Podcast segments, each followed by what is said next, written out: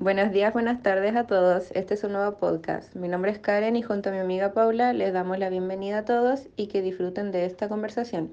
En nuestro primer capítulo hablaremos sobre un tema muy relevante a nuestro parecer, que son los cristales que curan, y su rubro en las ciencias farmacéuticas. Bueno, como dijo Karen, vamos a hablar de los cristales desde un punto de vista farmacéutico y creo que igual es importante diferenciar los cristales, los distintos tipos de cristales, porque están los cristales que está comprobado mediante investigación y el método científico que sí sirven para tratar enfermedades y curar algunas enfermedades.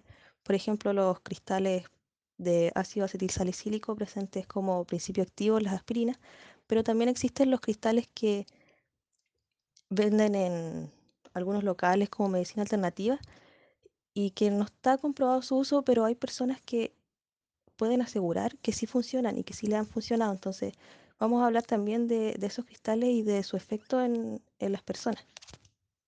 Oh, Paula, ¿te acordás cuando hicimos el experimento de separar ácido acetilsalicílico de la aspirina y de sus componentes de efecto placebo? Ahí nos dimos cuenta que el ácido acetilsalicílico era de un tipo de cristal que cura, porque el ácido acetilsalicílico es un tipo de antiinflamatorio, antipirético y tiene otros eh, beneficios más. Igual existen otro tipo de cristales, por ejemplo los, las sales minerales, que son un tipo de cristal pero que son más utilizados como en la medicina natural.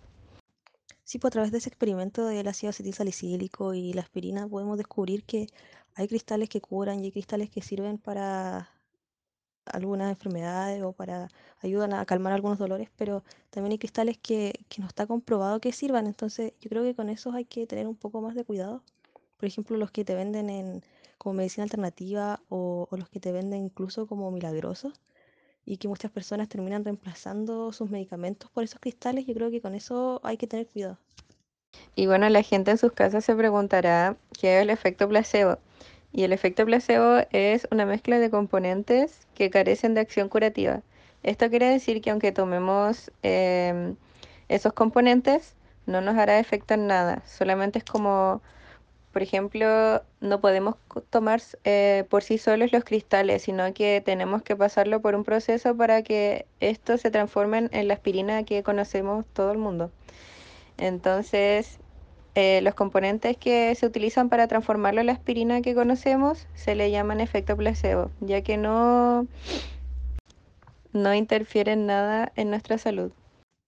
Si lo hablamos de un punto de vista más histórico, la verdad es que diversas culturas han utilizado los cristales como método de sanación o curación, no sé, en Oriente Medio, Asia, Egipto, América también. Los griegos, por ejemplo, ocupaban el ámbar y lo mezclaban con huevo para combatir los efectos de, algunos venenos.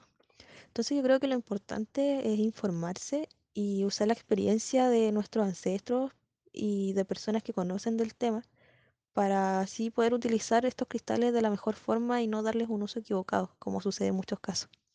Y bueno, chiques y chicas, hasta aquí llega el podcast de hoy. Espero que les haya gustado y disfrutado. No olviden dejar su me gusta, compartirlo con sus familiares, amigos y no olviden cuidarse del coronavirus. Nos vemos. Hasta la próxima.